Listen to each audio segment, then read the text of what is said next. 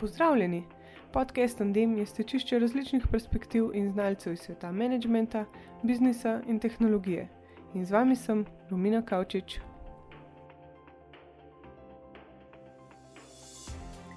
Vsak startup se rodi z velikimi pričakovanji, a tudi najbolj obetavne načrte lahko pokvarijo nenadzorovani dejavniki in včasih nespametne napake. V takšnih trenutkih ima ekipa startupa priložnost zapreti svoje vrata ali pa pivotirati. V tej epizodi vam predstavljam dva primera in sicer Marka Ranta iz Borza Terjatev in Vesno Drofenik iz Unua Ondo. Pokazala vam bosta, da včasih puško vržeš v koruzo, jo najdeš v pšenici, na koncu pa prodaš brezglutensko zgodbo.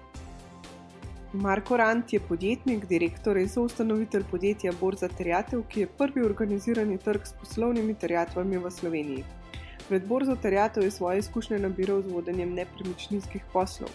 Njegov največji projekt je bil grejenje situle. Sodeloval pa je tudi pri prestrukturiranju nekaterih proizvodnih podjetij, ker se je tudi srečal s faktoringom in tako dobil idejo za trenutno podjetje.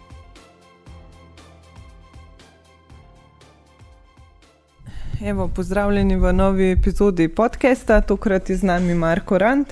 Pozdravljeni. Um, pa me zanima v bistvu najprej, kdo je sploh Marko, ki ko ne sedi v pisarni in se ukvarja s financami. uh, to je zanimivo vprašanje, ne zaradi tega, ker uh, vidim, da ljudje doskrat imajo tako dvojnost, ne?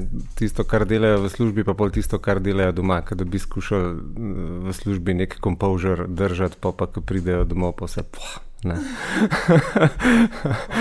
pa konc. Ja. Uh, tako da jaz v bistvu se skušam maksimalno držati, da sem uh, ista oseba v eni in v drugi okoliščini. Um, ker mislim, da je edin tak balans zdrav. Um, tako da drugače se zasebno se rad ukvarjam, v hribe rad hodim, uh, da se tudi ukvarjam z športom, berem knjige, z uh, otroci, preživljam čez tako, dost klasično, nič, uh, nič tazga specifičnega. Um. No, super, pa se pa mogoče lahko vrnemo nekaj let nazaj, pa poveste, kakšni so bili vaši karjerni začetki, pa kako ste se pa um, v bistvu sploh začeli ukvarjati z borzo triatov? Uh, ja, jaz sem torej čist na začetku po fakulteti. Sem, uh, nekaj časa sem še mal prevajal, sem se ukvarjal z prevodi iz angleščine v slovenščino, take strokovne tekste, pa sem pa začel delati v okviru skupine Poteza, to je bilo leta 2005. Um, In v bistvu je bila tista ena zelo zanimiva izkušnja. Pol, eh, zgodba je bila taka, da en del skupine Poteze je šel v stečaj, en del se je združil, ta borzno-posredniška hiša, še z dvema drugima borzno-posredniškima hišama v Alto. Um, in jaz sem v bistvu tam nekako zajadral v nepremičninske vode. Uh, v tistem času, ko sem jaz uh, se pridružil Potezi, je bila ideja vzpostaviti nek kompetenčni center private equity skladov. Uh, v bistvu, kot, to, bil, to so bili taki res prvi zametki, pa poskusi uh, vzpostavitve tazga sklada v Sloveniji. Ne? In v bistvu je bil vzpostavljen že en uh, private equity buyout sklad, um, potem se je delal nek prvi uh, sklad tveganga kapitala, jaz sem pa delal na uh, nepremičninskem skladu. Um, kjer, ki pa ni bil onkoli ustanovljen, um, ker smo to izvajali tik pred začetkom krize. To je bilo pol tam 2-8, smo ravno delali fundraising za vlagatelji. Uh, je pa poteza v bistvu že takrat uh, prvi projekt odkupila, torej prvo zemljišče, ki ne bi bil nek sit projekt za ta sklad. Uh, to je bilo enostavno zemljišče v Kranju, nasprot Kulandije. Um, In potem, ko se je vse skupaj razpeljalo, tako kot se je razpeljalo, sem jaz v bistvu tri leta preživel, ko sem skušal ta projekt rešiti ven iz tečaja poteze. To je bilo znotraj ene hčerinske družbe ABC Fin, um, kjer sem pol bil jaz direktor, imel sem lastnika v stečaju, pa prestrašeno banko. Star sem bil pa 28-29 let, tako da to je bila tako zelo zanimiva izkušnja, kako sem bil vržen uh, ribam. Uh, torej so vas oni, pač, verjetno ste bili zelo dobri, da so vas dali na direktorsko mesto. Ne, se ni bilo drugega. Ja. to sem se kar, kar sam sem volontiral, ker je bilo to, ali pa pač enostavno se zapre firma, pa jo, se jo da v stečajne. Meni se pa nekako ni zdelo v redu, zdaj se mi je, da uh, bi se dali iz tega nekaj narediti, da je treba se potruditi za to, da skušamo tudi banko rešiti, ker, ker bom rekel, to so bili te časi krize. Um, mislim, žal se tista zgodba pol ni tako dobro končala. Sicer, to, je bil, to je projekt Kozovci um, v Kranju. Mi smo takrat sicer pol uspeli dobiti. Uh, gradbeno dovoljenje, z občino smo propeljali vse prostorske akte, celo dobili smo pol uh, financiranje za gradnjo prve faze tega projekta, to je pač en stanovanski projekt bil, uh, ker smo imeli še konzorci treh bank. Uh, pogoj je bil pa, ključen pogoj je, da dobimo novega lastnika, ki bo še 20% lastnega kapitala vložil, uh -huh. ker pač lastnik je bil v stečaju. in tam smo imeli ene interesente, so tudi neko resnost pokazali z enim, eh, kako bi rekel, neko aro, neke vrste aro, sam potem, ko je bilo pa treba nakazati. Se je pa v zadnjem momentu razpeljal, tako da tista zgodba je pol končala v stečaju, torej tudi ta sama firma je končala v stečaju. Um, jaz sem pa pol v nadaljevanju delal še, uh, še en nepremičninski projekt, torej Situla, to je pa bilo med 2012 in 2014. Uh -huh. To je bil čas, ko je Kraški zidar je, bil, je šel v stečaj. Kraški zidar je bil večinski lastnik ene spet projektne družbe, ki je imela v lasti ta kompleks Situla, tam ob železniški postaji. Um, ko je pa šel Kraški zidar v stečaj, so se dela ustavila, ker je, tudi oni so dela izvajali. Zadevo je pa financirala Hipobanka, tako da takrat so me nekako uh, poklicali, ker se je Hipobanka želela bolj aktivno angažirati. Eh, pri tem projektu. To je bolj, bilo bolj prestrukturirano, uh, ko se je Hipo odvojil, pa je šlo to na Heta Asset Management, tako da sem v okviru tega dela in smo v bistvu pol ta projekt dokončali in prodali. Um, potem sem pa se lotil borze terjatov aktivno. To je bilo pa pol od 2014 naprej, tako da zdaj zadnjih pet let podelam borzo terjatov. Pomem sem še v vsem tem času sem se pokvaril pol še z neparimi primeri teh finančnih prestrukturiranj. Pa, pa, se ti, pa se ti zdi, da v bistvu te izkušnje iz nepremičnin, pa pač vseh teh stečajev, so ti, so ti v bistvu dali idejo za borzo terjatov ali je to prišlo pač? Ja, ja ne, v bistvu to konkretno sem dobil idejo za borzo terjatov, ko smo delali projekt Kozavci. Tam je bila. Um, Zgodba je bila taka, da pač zemlja je bila kupljena drago, ne, ker je bila kupljena pred krizo in smo iskali vse možne načine, kako bi lahko projekt naredili profitabilen oziroma za čim manj izgube, ker to je bil name of the game. Um, in uh, bili smo v enem takem hecnem položaju, sicer se projekt še ni začel graditi, bili smo pa tik pred tem, pač res smo mislili, da bo tisto ratal, ker je vse kazalo na to, da bo uspel. Um, in smo vedeli, da v tej krizi. Uh, gradbena podjetja v bistvu dolgujejo vse povprek dobaviteljem svojim, ne, torej podizvajalcem. Mi smo bili pa v položaju, kjer ne bi najemali storitve gradbenih podjetij, torej da bomo bili mi njim dolžni plačevati. Ne. In potem uh, ideja je bila, ki sem jo v bistvu dobil od Branka Drobnaka, ki mi je takrat to uh, omenil. Ne, je rekel, Marko, kaj če bi mi najdel te dobavitelje od raznih gradbincev, pa videli, kakšne terjatve imajo pa če bi jih bili pripravljeni prodati z malo diskonta, ne, pa, pa se lahko kompenzira, ne, pa mi prešparamo tisto razliko in s tem v bistvu znižujemo strošek. Ne.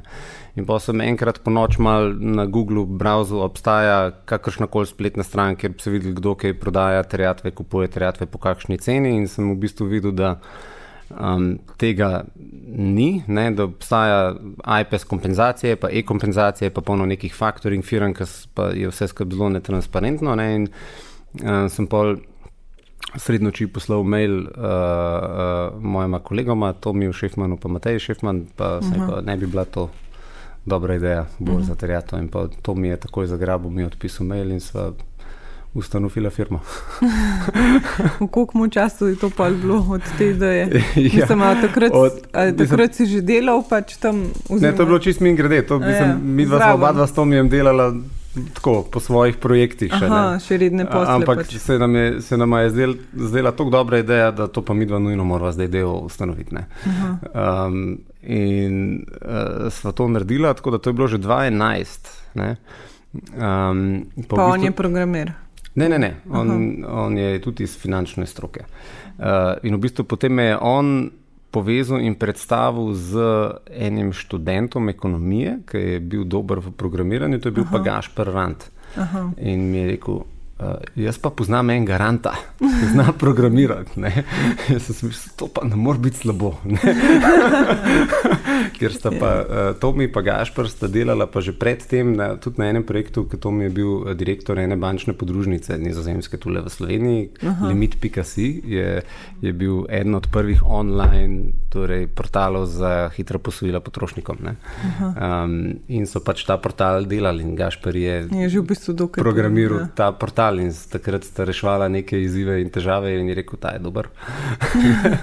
tako da v bistvu smo tako začeli. In, in, in pol smo, um, smo šraufali to platformo, eh, tisto je bila čisto, so bili čist res začetki. Um, in smo sredi 2012 smo potem lansirali. Uh, Mi smo takrat mislili, da smo seveda izumili svet. Uh, v bistvu je bil pa ena, neč drugega, ena navadna oglasna deska um, za, za, za terjatve. Da, uh, torej, plačila so v bistvu potekala izven vas. Tako je, v bistvu je bilo samo, da podjetja so lahko objavila na spletni strani Aha, terjatve za prodajo, nekdo drug je lahko dal. Eh, ponudbo. Mi smo sicer zdaj podprli, tako da so se neke avtomatične pogodbe v PDF-jih zgenerirale, nekaj malo bonitetnih, bonitetnih podatkov je bilo zraven, ampak nobenih, bom rekel, vse, vse presoja tveganja je bila vse na strankah, mi smo samo rekli, to je to. Um, pa se pa vidva zmedla. Pa tudi ste pa vedeli, če so oni uspešno odplačali. To. Ne. Ne, ja, ker je pač vse se dogajalo izven. Poleg tega, to je bilo, uh, mislim, volumen financiranja je bil res minimalen. Ne, tej, uh, mi temu danes, ki gledam za nazaj, temu rečemo MVP, ne, uh -huh. uh, minimum ja. viable product. Uh, smo vsega skupaj v. Torej, od 2012 do konca 2014, torej v dobrih dveh letih, je bilo približno 2 milijona uh, financiranja prek te platforme, s tem, da to so bili v glavnem vsi neki poznani uh, kolegi, ki smo jim to sam mal.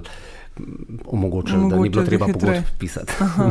no, ampak glede na to, da je bil to, če rečemo, MVP, vse en tost. Mislim, uh, treba je gledati v smislu, uh, koliko smo mi od tega zaslužili. Zaradi tega, ker um, naš posel je tak. Ne, um, To je taka zver, ki je velik volumen, pa mehen prihodek. Zato, ker pač naš poslovni model je, mi zaračunamo provizijo našim strankam in ta provizija je relativno mehna. Ne, ne moramo mi pri poslu financiranja si vzeti 10%. Um, tako da mi smo, ne vem, če smo od njih 2 milijona poslov 10 tisoč evrov zaslužili v dveh ja, letih. To je, to je minimalno. Ne. Sam tak v zgodbi ste. Um... Si napisal, da v bistvu ste imeli vmes dve leti stagnacije. Da, ja, ja. To, je, v bistvu je bil, to, to je bil ravno ta cajt, zaradi tega, ker mi dva sta bila s Tomijem vsak po svojih službah. Jaz sem delal to, kar sem prej omenil, najprej uh mhm. -huh. kozovce, potem situlo. Um, to mi je tudi uh, uh, najprej delal ene projekte, potem se je angažiral pr, v bistvu tudi pri enem drugem startupu, ki jim je pomagal zagotoviti financiranje. Uh -huh. um, in pol kar naenkrat smo se enkrat gledali, kva pa zdaj.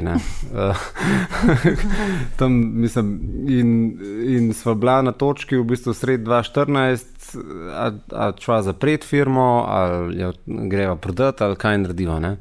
Um, in so bila v bistvu res na tem, da zadevo zapreva. Tam je bila sicer ena faktoring hiša, ki je vse čas malo tako špegala, kaj mi delamo. Ne? čist bolj iz Ferbca, ker v bistvu nismo nič delali. Um, ampak ampak pa, niste nič delali, zato ker sta vidva imela redne.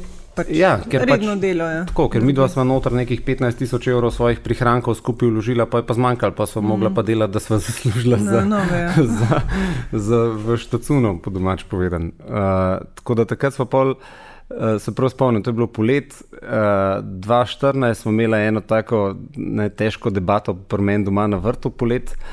Um, in sva rekla, ok, bova ponudila firmo v odkup, pač tisti faktoring hiši, ki sva že malo obljubila, ker smo se nekaj slišali prej po telefonu, ne, da bova neko ponudbo dala. Ne.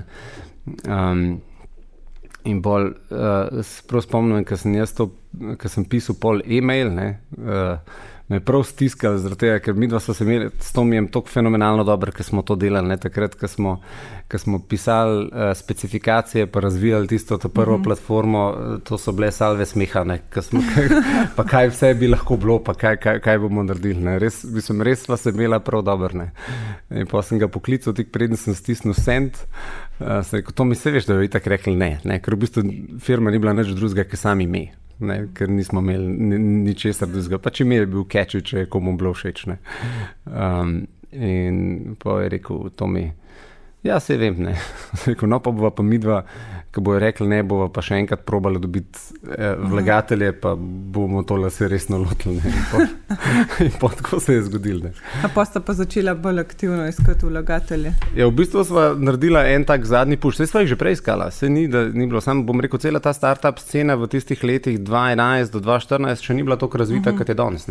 To so bili časi krize, to je bilo, bilo malo drugače. Ja, ni bilo toliko na voljo. Ne, ni bilo toliko na voljo. Ne? In um, tako da pol smo v bistvu, v, v bistvu vsak enega eh, poslovnega angela pripeljala. To sta bila uh, Peter Ribarič in Janez Klopčar. Se, jaz sem se z obema poznal že odprej, ampak je, recimo Tom je bolj imel kontakt z Janezom, jaz sem bil bolj, bolj kontakt s Petrom. Um, in potem sta ona dva vložila 150 tisoč evrov, to je bilo konc 2014. Uh -huh.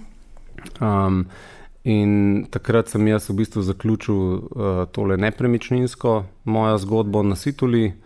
Um, in se zaposlil na borzi Triatov skupaj z Gašperjem. Uh, to mi smo se pa zmenila, ker v bistvu predtem je bil on direktor borze Triatov, pa smo se zmenila, sva se zamenjala, ker pač on je bil vezan v tistem drugem startup projektu, pa ni mogel glih tako jad, pa tudi nismo rekel, da se sva rekla, da moraš šparati, pa ne preveč kura denarja. Ne?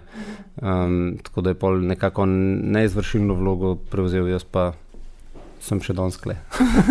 Zdaj tudi on, še danes kle, sem pač. Ja. Ni direktor. ja. Ampak um, v bistvu pol je bilo ključno to, da ste neko glasno desko, če rečemo po narekovaji, spremenili v platformo, ja. kjer se vse to dogaja. Ja, v bistvu ta ključen, ta, ključen, uh, uh, ta ključen izziv, ki smo ga videli mislim, da smo ga ugotovili s Tomijem, pa tudi z Gašperjem skupaj, ko smo to gledali, je, da rabimo delati clearing poslov. Uh, torej, če se nek. Če se na oglasni deski po domač povedan najdeta dva, en, ki je pripravljen prodati triatov, en, ki je pa pripravljen kupiti, ni dosti, da jim sam pošljemo PDF pogodbe, pa rečemo zmenta se. Zaradi tega, ker se ljudem ne da ukvarjati ne, s tem. Ampak da v bistvu mi moramo narediti poravnavo poslov, kar po domač povedan pomeni, da mora denar iti prek nas. In smo pol. Uh, ker je to v bistvu tudi koncept, ne? mi smo izhajali, mi, da smo izhajali iz tega koncepta, ne, organiziran online trg za trgovanje s terjatvami. Predstavljaj si, um, kako bi bilo, če je, če je recimo obveznica, ne, s katero se trguje na borzi, nek dolgoročni korporativni dolg, ki ima točen znesek, pa datum zapadlosti, pa dolžnika, torej firmo, ki mora plačati. So tudi kratkoročne poslovne terjatve na podlagi izdanih faktur, pa kratkoročni poslovni dolg. Ne? Je pač znesek, datum valute, pa dolžnik. Ne? In so rekli, zakaj se ne bi mogli s tem trgovati kot z obveznicami na borzi. To je bila osnovna ideja. In Uh, pri borzah je seveda sistem clearinga, tam se pač posli ni tako, da zdaj jaz kupam eno obveznico, pa pol iščem unga, ki mi jo je prodal. Pa, ja. ne, ampak je, uh, v Sloveniji imamo clearingsko depotno družbo, ki dela clearing ne, teh poslov. In to je standard po celem svetu. Ne. Smo rekli, okay, mi moramo delati clearing. Um, tako da smo v bistvu združili te dve funkcije, kot da bi. Ljubljansko borzo poročil za KDD-jem, ker je to mhm. zdaj vse v eni osebi. Mi nismo v dve ločeni, torej, trgovalni sistem je eno, poravnalni sistem je drugo, ne, ampak mi smo v bistvu naredili integriran trgovalno-poravnalni sistem. Um, pa še ta element, da v bistvu, tako kot recimo je standard na borzi, niso člani neposredno uh, stranke, ampak borzne hiše, torej člani borze, pa banke, recimo, ne, je ne vem, 10-15 članov borze. Um, oni so pa v bistvu posrednik do končnih strank. Ne. Pri nas na naši platformi pa tudi tega umestnega elementa ni, ampak so bili člani borze direktno končne stranke. Ne. Tako da v bistvu naša platforma vsebinsko, kot če bi mal tehnično bi narisal, združuje vse tri funkcije. Ne. Kot da bi poročal borzo, KDD pa borzne hiše. Skupaj vse pod eno streho. Uh, seveda samo za uh, je malo simplificirano, ne, ker mam, nimamo različnih vrst uh, uh, finančnih inštrumentov, ampak so bile same terjatve, ampak principi so bili pa isti. Ne, torej vse, te, vse je temeljilo na nakupnih naročilih, na prodajnih naročilih, uh, te principi vodenja. Uh, Mi vodimo, in to še danes, bom rekel, ta, to je hrbtenica naše platforme, ki še danes funkcionira na isti način. Ne.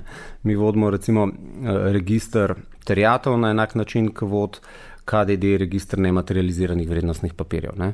Sam, da pač un registr je popoln, ki morajo vse firme svoje delnice prijaviti noter, mi pa vidimo samo tiste terjatve, ki jih kdo prek nas proda. Ne. Ampak vodimo pa registr na tehnično enak način ali pa na tehnično zelo podoben način. Ne um, ker ima pa tudi vsak član borze svoj podračun terjatov, tako kot podračun nematerializiranih uh mhm. -huh. vrednostnih papirjev. Tako, ne. tako da to je, to je bila neka osnovna ideja. In, in, in ta, uh, ta element clearinga smo pol kar dolg časa šraufali, ker smo v bistvu ugotovili, da moramo platformo čisto na novo zastaviti. Uh -huh. uh, takrat po tej investiciji 2014, tako da smo pol slabo leto to delali in novembra 2015 smo, smo lansirali. Uh, v sklopu tega, ko smo naredili nadgradnjo, poleg clearinga, smo ugotovili še kup stvari. Ne? Zdaj, ker naenkrat, ker je šel denar prek nas, smo bili zavezanci po zakonu o preprečevanju pranja denarja, pa financiranja uh mhm. -huh. terorizma, kar pomeni, da uh, ko se nekdo registrira na borzi triatov, to ni tako, kot če samo odpreš ne vem, nek e-mail račun, ne, uh -huh. username pa password, ampak moramo gledati končne lastnike, zakonite zastopnike, politično izpostavljenost, v glavnem, uh mhm. -huh. skladno z zakonodajo. Ne. Torej, ste imeli nek ta obsežen formular, tako kot zdaj. Ja. ja, v bistvu je izziv, kako narediti dober user experience, kljub pa, pa, pa uh mhm. -huh. ostati skladen z uh mhm. -huh. zakonodajo. Ne? Torej, kako... V bistvu nekaj VIC ste v bistvu delali online. V bistvu ga delamo. Ja, ja. Um, tako, kot odpir, tako kot N26 banka dela online odpiranje ja. računov. Izziv je, kako kompleksno stvar na način, da ker moraš biti skladen in je to tudi čisto dobra poslovna praksa, zapakiraš tako, da končni uporabnik sploh ne opazi, da si naredil KYC. Ja, ampak preverjate pa podjetja glede bonitetnih ocen ali kar koli. Ja, to je to. Manualno ali kako? Ne, ne, ne. To, je, to je bil pa drugi element. Torej, tista naša prva platforma je bila. Ok, smo bili povezani, mi, mi smo povezani z podatkovno bazo Biznoda. Uh -huh. um, in pri prvi platformi smo samo vzeli podatke, pa jih objavili na platformi. Yeah. Ja. Pri tej, tej novi smo pa pol naredili tako, da smo rekli, ok, mi moramo malo bolj aktivno to delati, da na podomač povedan ne spustimo slabih terjatov gor. Uh, ker vlagatelji se zanašajo na nas, da ne spustimo glih česar koli gor. Ne. Se pol že lahko gledajo, pa se zbirajo, ampak v osnovi neke minimalne kriterije pa moramo imeti. In smo pa v bistvu postavili te minimalne kriterije za prodajo terjatov, minimalne kriterije za dolžnike, ki jih morajo izpolnjevati, uh -huh. neke limite financiranja, v glavnem nek kredit risk model. Smo, smo razvili, ki smo ga polo takrat tudi vse čas nagrajevali. Uh -huh. Um, to je bil en del, in pa ta tretji del je bil uh, izterjava terjatov. Pač na koncu, ko so terjatve prodane, um, kdo jih bo zdaj lovil, ne? kdo, kdo bo lovil plačila, ne? vlagateljem se ne da. Smo ugotovili. Yeah. Ja. In smo v bistvu to kot storitev zraven dodali, da v bistvu vse terjatve, ki se prodajo prek naše platforme, potem tudi odbor za terjatve skrbi za, za njihovo poplačilo. In to, bom rekel, te elementi so še zmeri, so še zmeri taki. Pa v bistvu jaz, če hočem prodati svoje terjatve se samo pač KYC-am, pač dodam svojo ceno in to je to. Ja. Mislim, cela, cela, cela uporabniška izkušnja se je skozi leta pol še precej spreminjala. No? To, to uh -huh. zdaj govorimo o tem, ko smo delali 2015.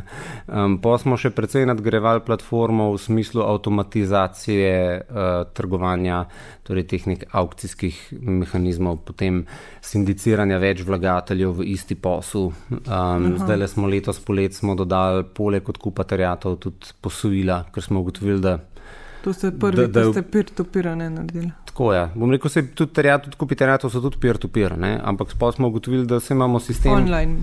Uh, ja, sistem je enak. Ne? A delaš odkup terjatov ali pa posojila. V bistvu odkup terjatov je sam način, kako spravaš denar do podjetij, ki ga rabijo. Posojilo je pa drug način, da ga spravaš. Ne? Zelo, zelo podobna zgodba in smo pa ugotovili da, um, pa tudi da podjetja si to želijo, da s tem pokrijemo nek use case, ki jih drugače nismo. Tako da to smo pa zdaj letos, uh, letos junija, konec junija, začetek julija smo to lansirali in v bistvu nekako zaokrožili ta produkt market fit. Nekaj pri nas dosti dolg časa smo se tam iskali, parovarali, pa uh mhm. -huh. da, da to res dela. Ampak največ v bistvu ste imeli težav s temi fiduciarnimi računi pač, um, vam je Banka Slovenije sploh omogočila, da lahko imate? Mislim, ne vem, če je bil to največja težava. Bila je ena od, bil je eden od izzivov. No. Izzivov je bilo polno, tega, da smo se naučili prodajati, pa da smo sploh ugotovili, kaj stranke hočejo. Ampak te fiduciarni računi so bili siguren en element. Um, Ki smo jih hoteli imeti. Namreč v tej vlogi centralne nasprotne stranke, ki nastopa, torej prek nas gre vse denar, ne, pa ker je to. Mi smo majhen startup, gre se pa za relativno velike volumne, ker so veliki volumni majhne provizije. Ne. Torej, mi od vsega, recimo od milijona evrov, um, od milijona evrov uh, financiranja zaslužimo tam recimo ene 8 do 9 tisoč evrov, ne, so naše skupne Aha. provizije.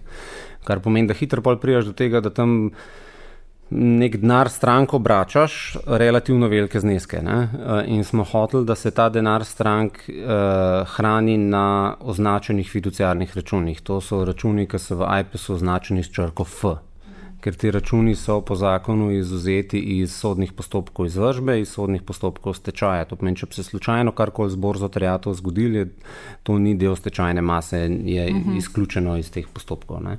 Torej, da je po domač povedan denar vlagateljev varen. varen um, in tukaj je bila, bom rekel, to je cela zgodovina. Mi smo na začetku smo imeli račune pri poštni banki, pa oni so nam brez težav odprli fiduciarne račune pol so se poštne banke združile z NKBM, pa ker so pol začeli uporabljati njihovo spletno banko, naš sistem je bil pa integriran z Halkomom, ki ga NKBM ni podpirala, smo iskali novo banko uh mhm. -huh. in po, ko smo novo banko iskali, smo ugotovili, da nam ena druga banka noče odpreti fiduciarnega računa.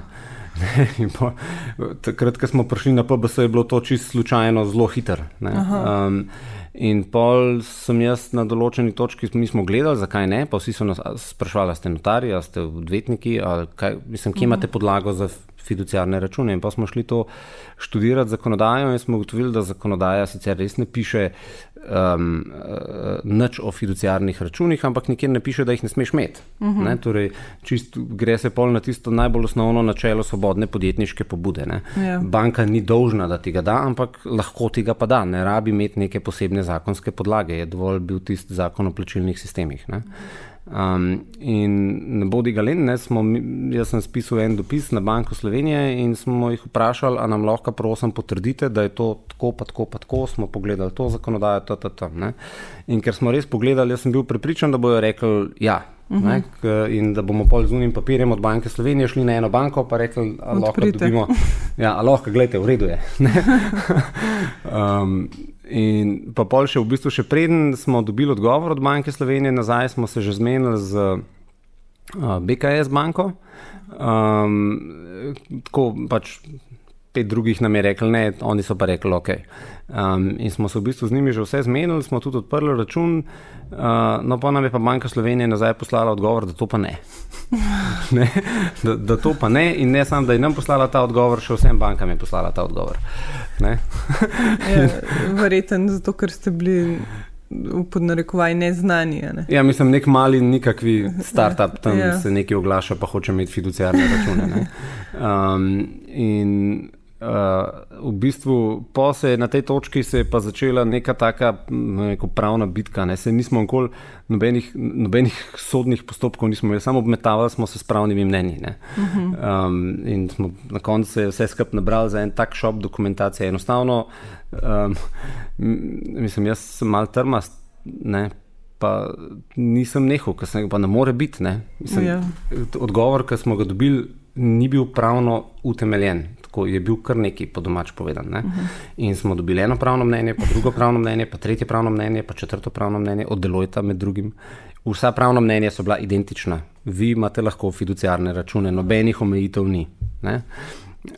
Vse to smo pošiljali Banki Slovenije, šli smo na sestank,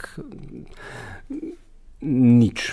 Ne? Jaz sem, jaz sem dobesedno živce zgubil. Pa sem začel pisati uh, uh, dopise ministrstvu za finance, pa vladi, pa pahorju. Pa v smislu, tam enkrat je bil en, ena konferenca spodbujanje inovativnosti uh, v Sloveniji, pa kako lahko država pomaga z odpravljanjem regulatornih ovir.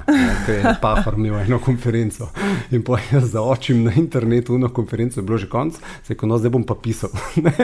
in sem gospodu Pahorju pisal full fine v kontekstu vaše nedavne konference, gledajte, tole imamo problema, lahko prosim Banko Slovenije pokličete in poveste, ne, da to malo bolj resno pogledajo. Ne.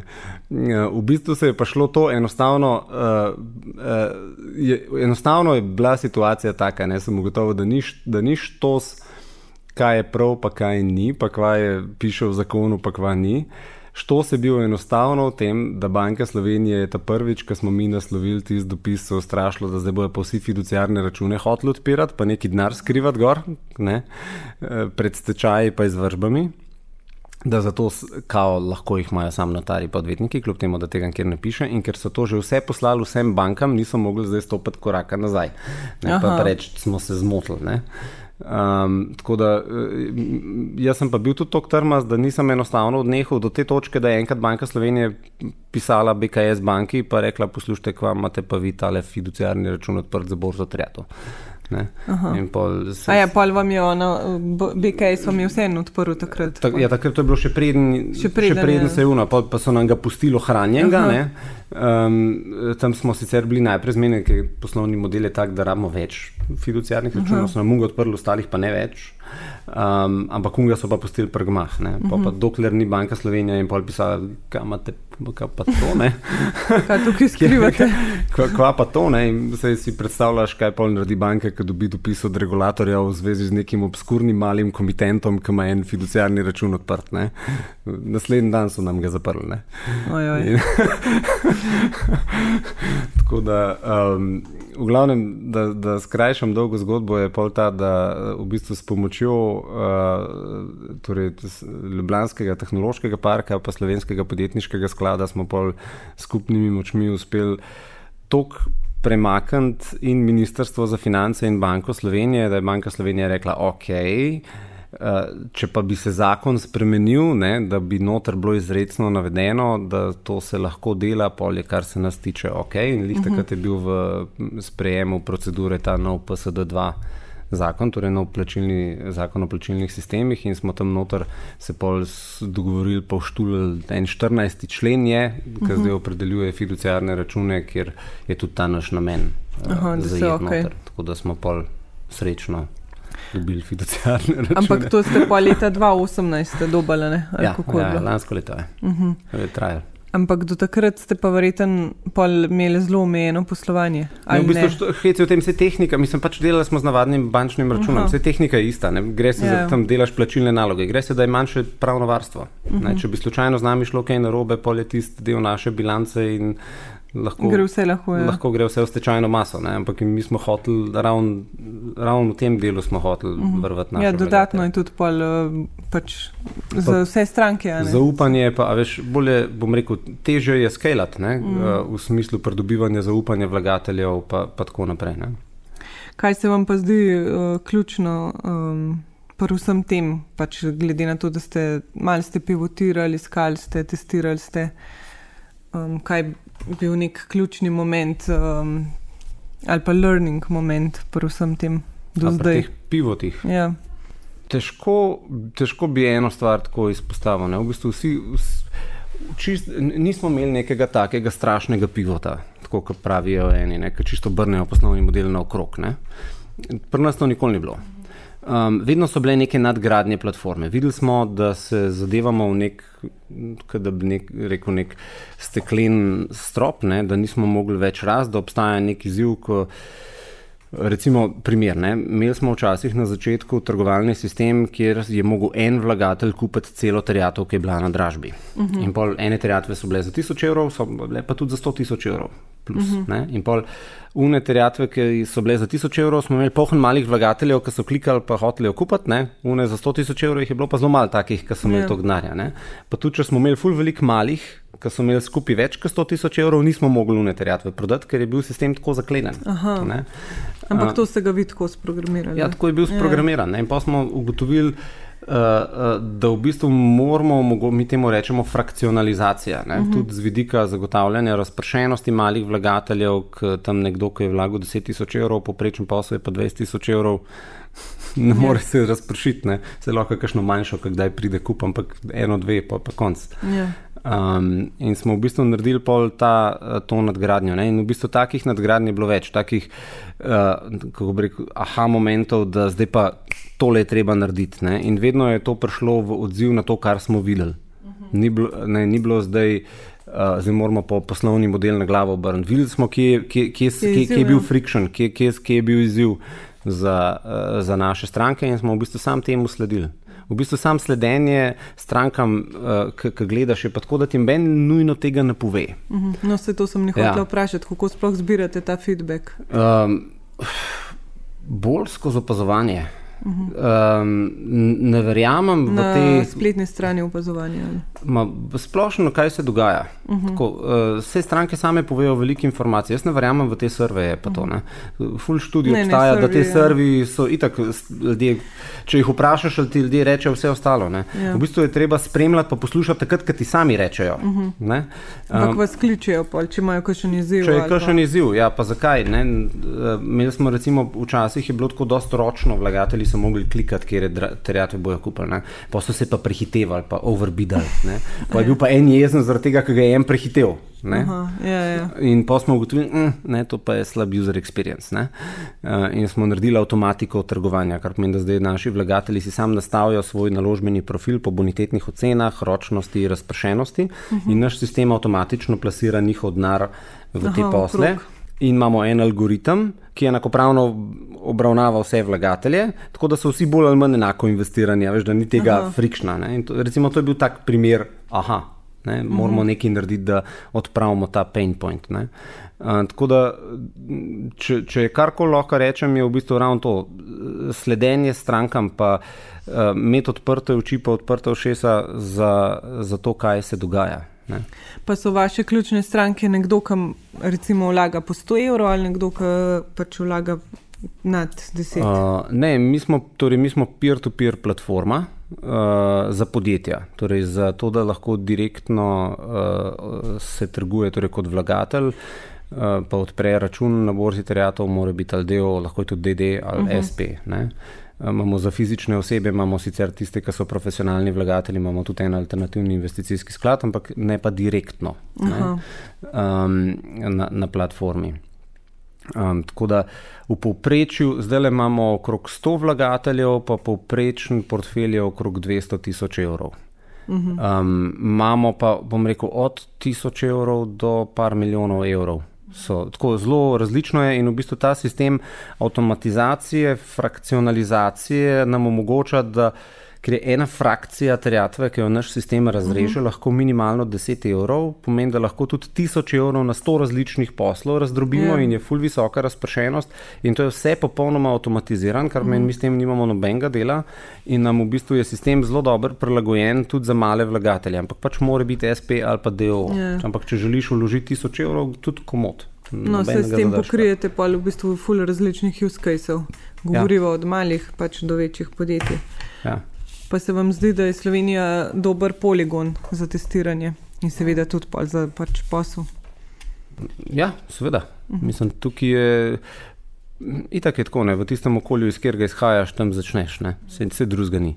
Um, je, je, mislim, da je kle ni, niti ni toliko vprašanje države kot take, bolje uh, vprašanje dostopnosti financiranja. Ne? Mi smo v bistvu razvili IT sistem, ki je zelo specifičen, ker um, je zelo dobro prilagojen za procesiranje mehkih transakcij finančnih, torej posojil, podkupov, terjatov. In to, to je v bistvu segment teh uh, financiranja malih in srednje velikih podjetij na eni strani, na drugi strani je pa uporabniška izkušnja za vlagatelje, tako skoraj kot če bi dal denar na depozit. Ne? Tam uh. -huh. si strukturiraš naložbeni profil, nakažeš denar, pa pozabiš, enkrat na mesec dobiš izpis računa, pa obresti, pa ko hočeš denar, klikneš, se neha trgovati, pa pol, ko se nabere denar, se izplača. Ne. Tako da v bistvu je, mi imamo produkt za vlagatelje, ki je alternativa bančnim depozitom. Torej, če ima mhm. firma više likvidnosti, namesto da ga ima na banki, ga ima lahko pri nas, pa dobi pač više obresti. Um, in, ampak ker je ta sistem tako avtomatiziran, lahko mi na drugi strani delamo posle, ki so mehni. Naš povprečen posel je 20 tisoč evrov za 85 dni uh -huh. in to je segment, ki ga banke težko pokrivajo, čisto objektivno.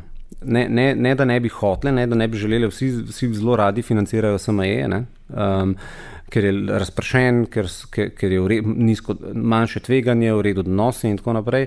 Ampak enostavno banke zaradi regulative, zaradi tega, ker so to veliki sistemi, težko so tako odzivni, pa tako hitri, uh -huh. pa tako učinkoviti. Uh -huh. Te ta male firme, naša tako idealna stranka na strani prejemnikov financiranja je recimo firma, ki ima tam do 5 milijonov evrov um, prometa, to so ponovadi firme, kjer še ni nekega specializiranega finančnega direktorja. Uh -huh. uh, tam, ko se pogovarjamo, se ponovadi pogovarjamo z osebo, ki je direktor, lasnik, finančni direktor, operativc, vse v enem. Tam kličemo včasih stroje, ropotajo zadnji. In v bistvu mi njemu rešujemo pain point, ker nima časa se ukvarjati z bankami. Yeah. Ja. On dobi naročilo od svoje stranke in je, ker je manjši, on dobavlja večjim sistemom in on je price taker. Kar pomeni, ko dobi naročilo, dobi dobavni rok, on more dobaviti do takrat, ko mu naroči, ker če ne dobavi do takrat, bo on naročil nekje drugje. Ne? Mhm. Um, in je v bistvu včasih zelo izdansne jutr, kar pomeni, da izdansne jutr rab dobiti financiranje za eno naročilo, da nabavimo material, da proizvodno opravimo in tako naprej. Ne? In je v bistvu ravno ta hitrost pa fleksibilnost kritičnega pomena. Niti ni to vprašanje stroška financiranja, ker, uh, ker vidimo, mislim, firmam, ne vsem, ampak. Uh, tiste firme, ki imajo visoke marže, ne, -huh. si tudi rade volje, mislim, rade volje, si lahko prvošijo višji ja. strošek yeah. financiranja in to ni uh, uh, tisti ključen moment. Ključen moment je, a je fleksibilno, a je hiter, ako bom jaz to rabu, a bo -huh. ta sigurnost. Ne. Ja, pa na vse zadnje pač s tem tudi opravi svoj posel. Tako, ker ne, ne za njega je pa največ mu pomeni, da, strank, da ima zadovoljno stranko na drugi strani, mm. pa posel mu teče. Ja. Pa se nameravate tudi v tujino širiti? Uh, ja, ja, zdaj v bistvu trenutno sicer delamo samo v Sloveniji, ampak zdaj smo ravno kar v procesu širitve na Hrvaško. Zelo uh -huh. ustanavljamo podjetje na Hrvaškem, pa v bistvu potem platformo je treba prilagoditi.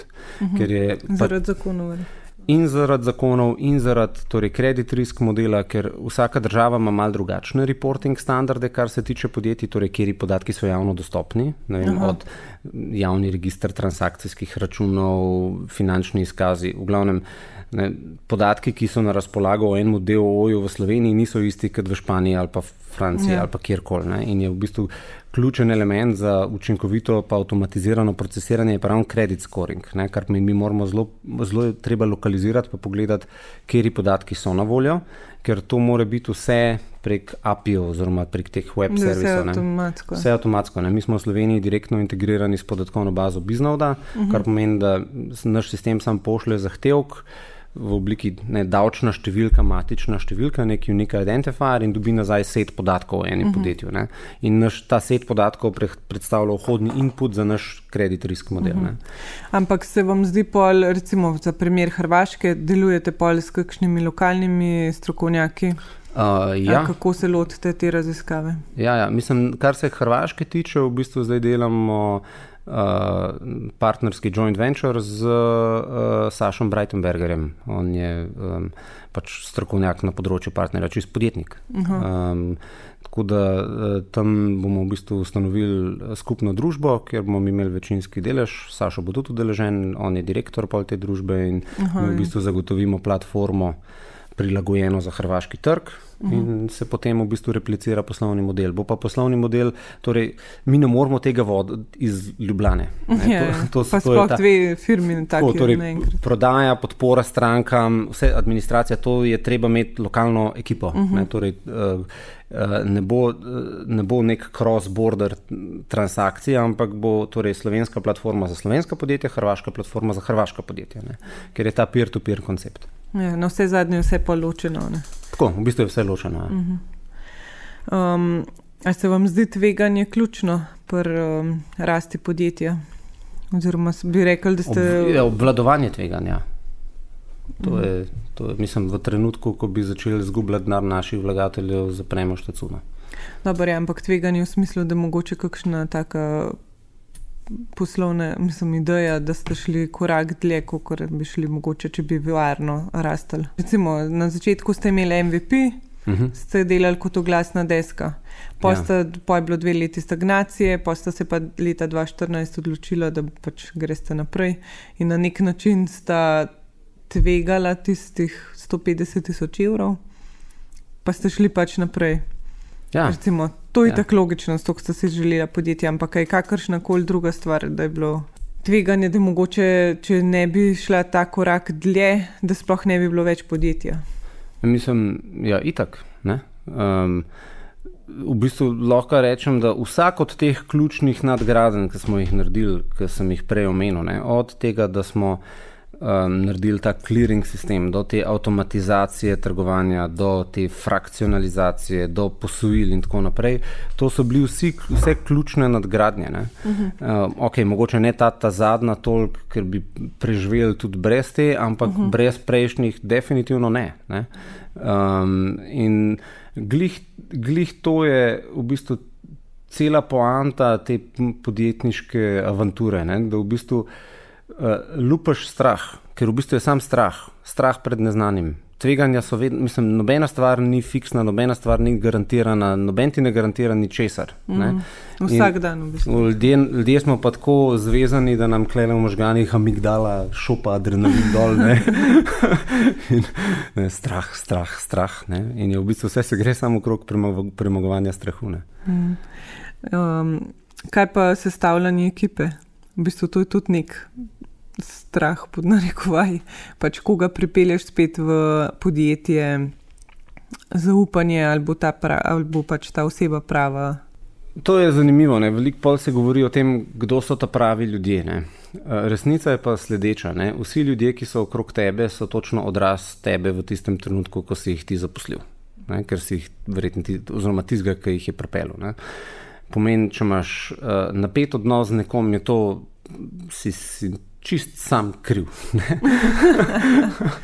in, um, in je, mislim, da enega kolega imam, uh, Artjoma, ki sem pol svodoskrat pogovarjala o tem, pa sem pol tam uh, ene parkrat uh, razmišljal, kaj pa to, pa kako motivirati, pa kako uno. Pa, gor dol, pa zakaj se ne dogaja hitreje, pa ne, ja, veš, vse te moje lastne strahove. Ampak v bistvu pa je pa meni Artiom tako lepo rekel, enkrat so tam na Šmarno goro hodili, je rekel Marko, dokler oni ne obupajo, ti ne obupaš, to je simple as that.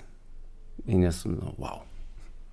Kar pomeni enostavno, jaz ne obupam nikoli, kar pomeni, jaz, in tukaj je koncept radikalnega zaupanja tudi če še danes ne veš, kako to funkcionira, ti zaupam, da se boš naučil in da boš to zvedel. Uh mhm. -huh. Ja, ta zaupanje se mi zdi kar ključnega pomena. Ne? Da ni tega mikromanagementa, ki za vsak korak ne, pa to bi lahko drugače, pa to bi boljš. Mikromanagement je, je, to je konec. Ne? In v bistvu jaz, jaz In to je tudi del tega podjetniškega odraščanja. Zaradi tega, ker na začetku seveda delaš vse sam. Ne? Jaz sem na začetku pisal specifikacije za platformo, pošto od našo administracijo, upravljal prodajo, posle, vse sem tu. Ja. Vse te ključne procese v, v, v, v firmi sem dal čez. Pa, pa postopoma to spuščaš, mhm. spuščaš z rok, ne outsourcaš, ampak drugim. Mislim, ja, svoje delo outsourcaš. Takrat, ko nekdo ta prvič se tega loti, valjda ne bo naredil tako hitro, kot si ti že navajen. Ja. Ampak če mu ti ne pustiš, da se ne, ne nauči, ne bo nikoli tega znal tako delati. Tudi ne bo na isti način, ne? ker je pač drug človek. Ker je pač drug človek. In v bistvu je pol, in na koncu pride do self-restrainta, torej da sam sebe, ti lahko nadziraš samo sam sebe. Um, in v bistvu stvoj, ker v bistvu vse izvira iz strahu, da ta ne bo naredil tako dobro, kot ti ergo, moram jaz pokazati, moram jaz povedati. Moram. Tukaj pa pride že malo do psihologije, če poznaš tale transakcijska analiza. Uh mhm. -huh. I'm ok, you're ok, ne? pa yeah. ti ja. podstati starš, otrok, odrasto. Ne? Ker podstat starša je, da govori otroku, kva mora narediti, ali pa rešuje težave na mesto otroka. Podstat otroka je, da ne, tata sredi me, ne, ker mm. ne mhm. znam sam, ali pa da se brani, zato ker mu en drug govori. Kaj, ampak oba dva podstata sta v osnovi negativna, ker pravita, da drug mi mora nek problem rešiti. Ta podstat odraslega je pa. I'm ok, you're ok, ti boš to sam zrešil in ti zaupam. Ne? Ja, in ta nivo odraslega pač tudi prinese najboljše rezultate. Ne? Ja, točno mislim, to mislim. Jaz bi ti lahko na eno točko bi ti lahko pokazal na našem grafu, ki je meni Artjom tist povedal. Mm. Ker od takrat, ker naenkrat, ko sem jaz rekel, ok, moram let go. Message je bil let go, Marko, let go. Ne? In pa. Kar naenkrat, ljudje, začut, mislim, ljudje smo pač socialna bitja, ne? ljudje začutimo, ali nam nekdo zaupa ali ne. Ja. To, se, to se ne komunicira z besedami, to se že dejanje. dejanje pa, tako, to, to zaupanje je kot ozmoza, tako nevidna energija, ki jo, ki, ki jo ali je ali pa ni. To hitro hiter ugotoviš. Mm. In, in ta grajenje zaupanja znotraj ekipe je v bistvu na prvem mestu, zaradi tega, ker stranke so šele zunanji od, odraz. Ne? Ja, in ti zaposleni so v bistvu neki ambasadori. Tudi, um, Tako je. Um, torej ste v bistvu del um, zaposlovalnega procesa. Uh, Ali je zdaj nekdo drug, ki ne, ne, ne. V bistvu vse, vse zaposlitve sem jaz naredil. Ja. Ampak je nek, vedno tako, mislim, ne, da sem zdaj jaz tam en in edini. Um, Kako poteka to? Mislim, prakti, v, v praksi je to zgledalo tako, da je vedno nekdo priporočil nekoga. Aha, recimo ja. ste iskali programerja, pa je pač um, nekdo rekel, ok, ja. on je kul. Cool. Ja. In pol je prišel k vam, ali imate kakšne teste, ali je to samo pogovor. Ne. ne, nismo še tako daleč, pa tudi ne verjamem, Mislim, a, a ne verjamem v to. Sploh, je to smiselno. Ne, govorim proti temu, kar vsi kadrovniki pravijo. Ne? Ampak um, testi se da super jih skrit, pa ne vem, kaj še vse naresne. Um, testi v smislu, recimo, če je programer, da kaj pride pač pokodirati, ali je, se ti to zdaj čist nesmiselno? Mislim, ok, to je malo specifika. Kar se tiče programerjev, je sigurno tako. Ne? Ampak tam imaš te repozitorije online, ki lahko rečeš, da je pokaž mi kakšno kodo, ki si že kaj naredil, pa, pa pogledaš in hitro vidiš. Um, kar se tiče ostalega dela na borzi terjatov, noben od nas ni delal v banki ali pa v finančni inštituciji. Mi Aha, smo vsi neki, mi smo vsi, mislim, razen Tomija, pa Tomij je v neizvršilni vlogi. um, in v bistvu. Uh, V osnovi je zadeva simpel, klele je terjatov, mi jo prodamo, Glej, to je kršta cuna. Ja. Bom rekel, uh, vsebine dela jaz lahko enemu razložim v enem dnevu, kaj mi počnemo. Ne? Tisto, kar, je, kar, kar se ne da razložiti z besedami, je, kako to počnemo, pa zakaj to počnemo, pa kaj je, bom rekel, kaj je um, skriti gušt uh mhm. -huh. in teh medosebnih odnosov, komunikacije. To je, to je tisto, kar uh, kar res šteje, ne? kako se ena oseba uh, vklopi noter v tim. Ne? Kar je ta žmoht. Kar je ta žmoht. Ne? In, mm. in uh, tega v testu ne vidiš. Ja. Zato, zato nisem. ja, to je res. Ja. Ampak kaj ta oseba, kdaj pa pride k vam prej, recimo za en dan, ali pa da jo še drugi začutijo, spoznajo karkoli. Um, mislim. Iskren odgovor je, da nismo, mi, smo, mi, smo, mi smo še zmeraj relativno mehna ekipa, desetih ljudi. Uh, tako da nimamo veliko prakse pri tem. Um, no, vse je pač deset. Je pa, je pa tako, da v bistvu smo do zdaj imeli. Nis, do zdaj nismo imeli nekih takih praks, da neka oseba pride, pa polje en teden uh, uh, pri nas. Oziroma, tako, uh, za kakšne pozicije je vedno tako, da če recimo nekdo z nekom dela, oziroma je predvideno, da bo ena oseba prevzela en del nalog od nekoga drugega. Uh, jaz vedno imam v glavi, da nisem jaz tisti na koncu, ki v bistvu o tem odločam, ampak una oseba. Uh mhm. -huh. Jaz ja, sicer valjda naredim, naredim razgovor, ne, ampak v bistvu tudi če se meni zdi fajn, pa če se uni osebi ne zdi fajn. Nisem jaz, ker, ker, ker enostavno ne bom jaz tisti, ki bom z uno osebo največ časa preživel. Ne, ta osebna kompatibilnost, tako da v bistvu je proces, je, je, je večplasten. Uh Um, a pa uporabljate pri delu kakšne te inovativne metode, kaj delate, kaj novega, recimo Lean ali pa Agile, na kakšen način sploh vodite to platformo? Um, Ker recimo nekatere firme imajo zelo striktne, uporabljajo to ktulo, vse se opisuje noter, koliko dela je kdo uporabil, kaj se zdaj dela jutr. Um, ne, ne, nič od tega. Uh -huh.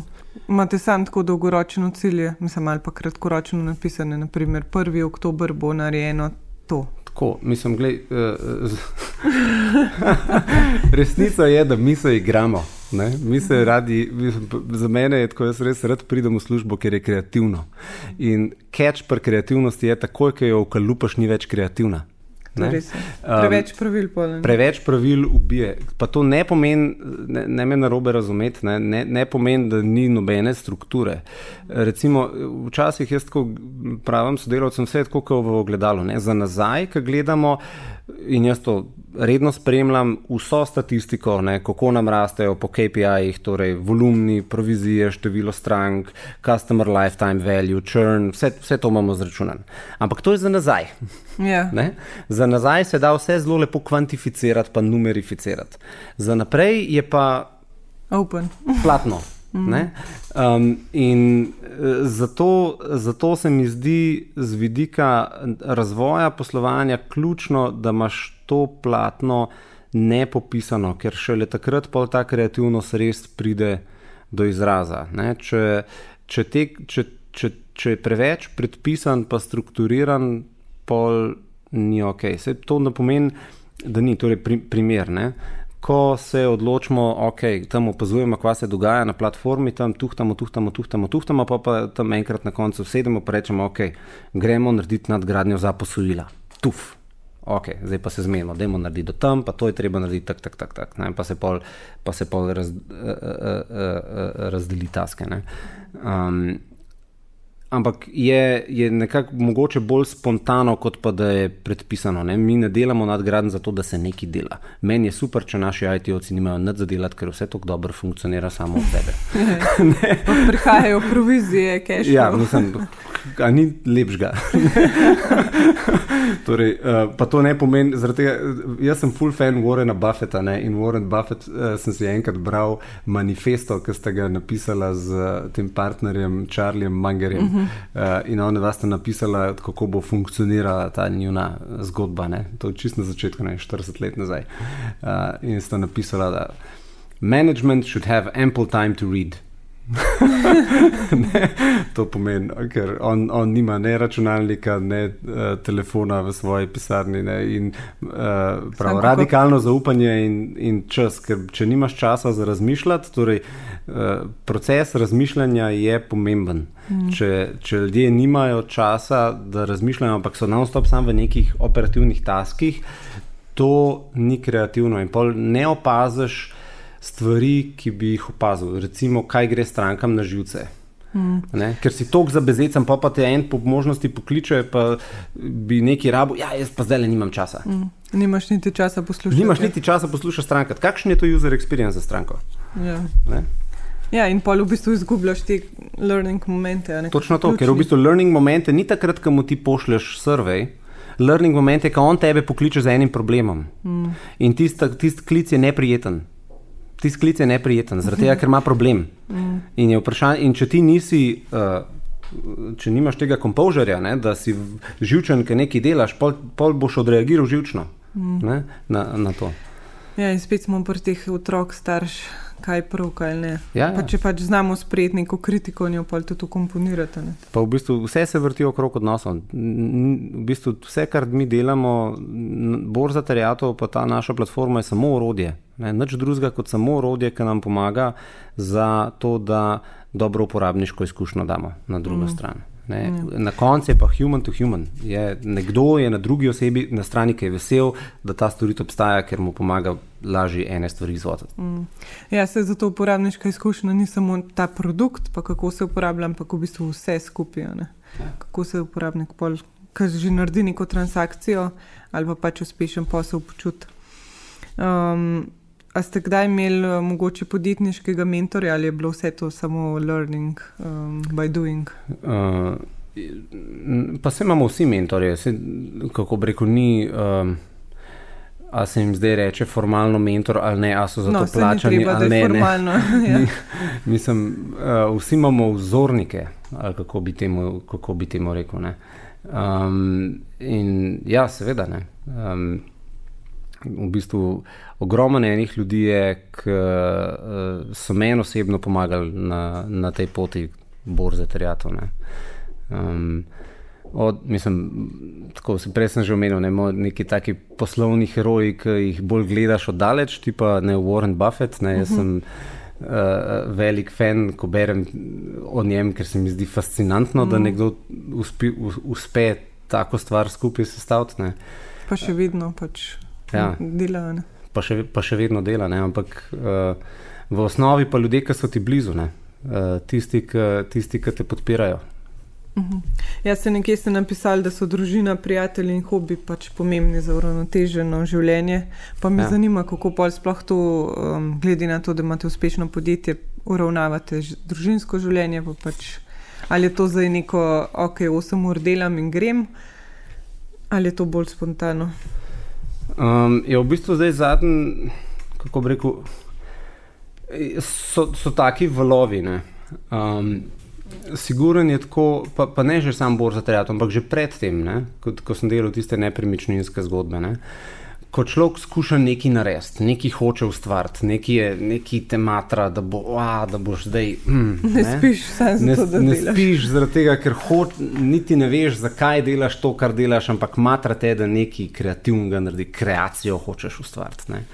Um, isto že takrat pri unih nepremičninah, um projekt Kozovci, recimo, je bil tak, ki sem ga od, bolj, kot si tula, ne, je bil tak moj.